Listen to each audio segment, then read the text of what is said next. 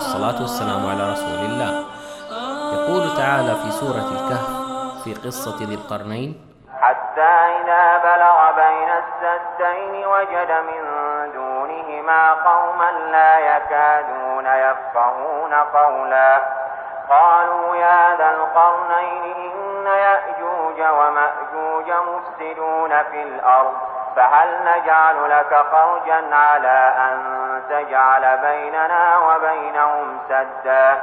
قال ما مكني فيه ربي خير فأعينوني بقوة أجعل بينكم وبينهم ردما.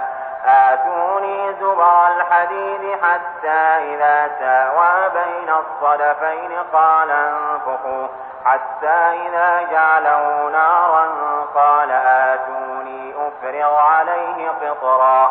فما استطاعوا أن يظهروه وما استطاعوا له نقبا.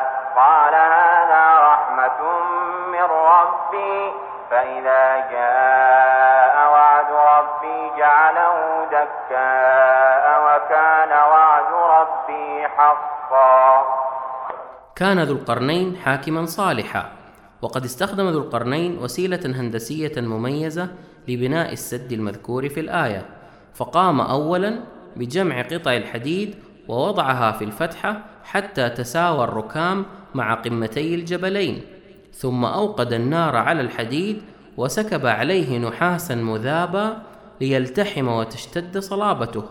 فسدت الفجوة وانقطع الطريق على يأجوج ومأجوج فلم يتمكنوا من هدم السد ولا تسوره. وأمن القوم الضعفاء من شرهم وهذا من جودة وإتقان ذي القرنين في تصميم وتنفيذ بناء السد.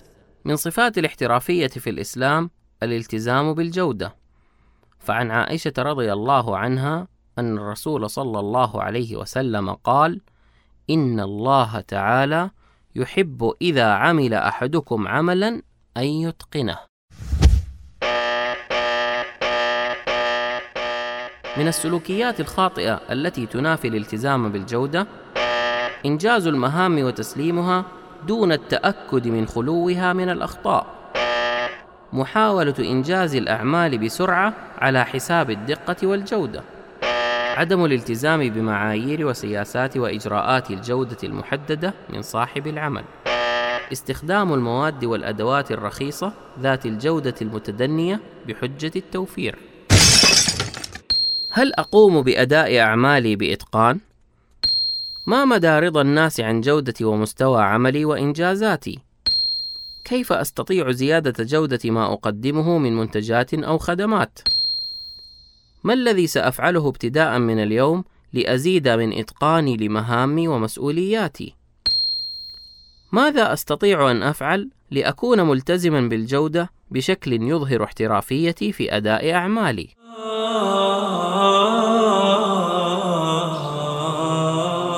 بالتدريب المستمر وبتكرار العمل والاهتمام بأدق التفاصيل ستصل بإذن الله تعالى لمرحلة الإتقان وإذا التزمت بالجودة في كل جزء من أجزاء عملك فإن عملك النهائي سيكون ذا جودة عالية مما سيعطي الناس انطباعا عن احترافيتك في العمل.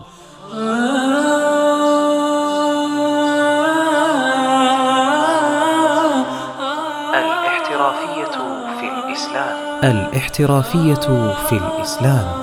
إعداد وتقديم المهندس عبد الله الجرف.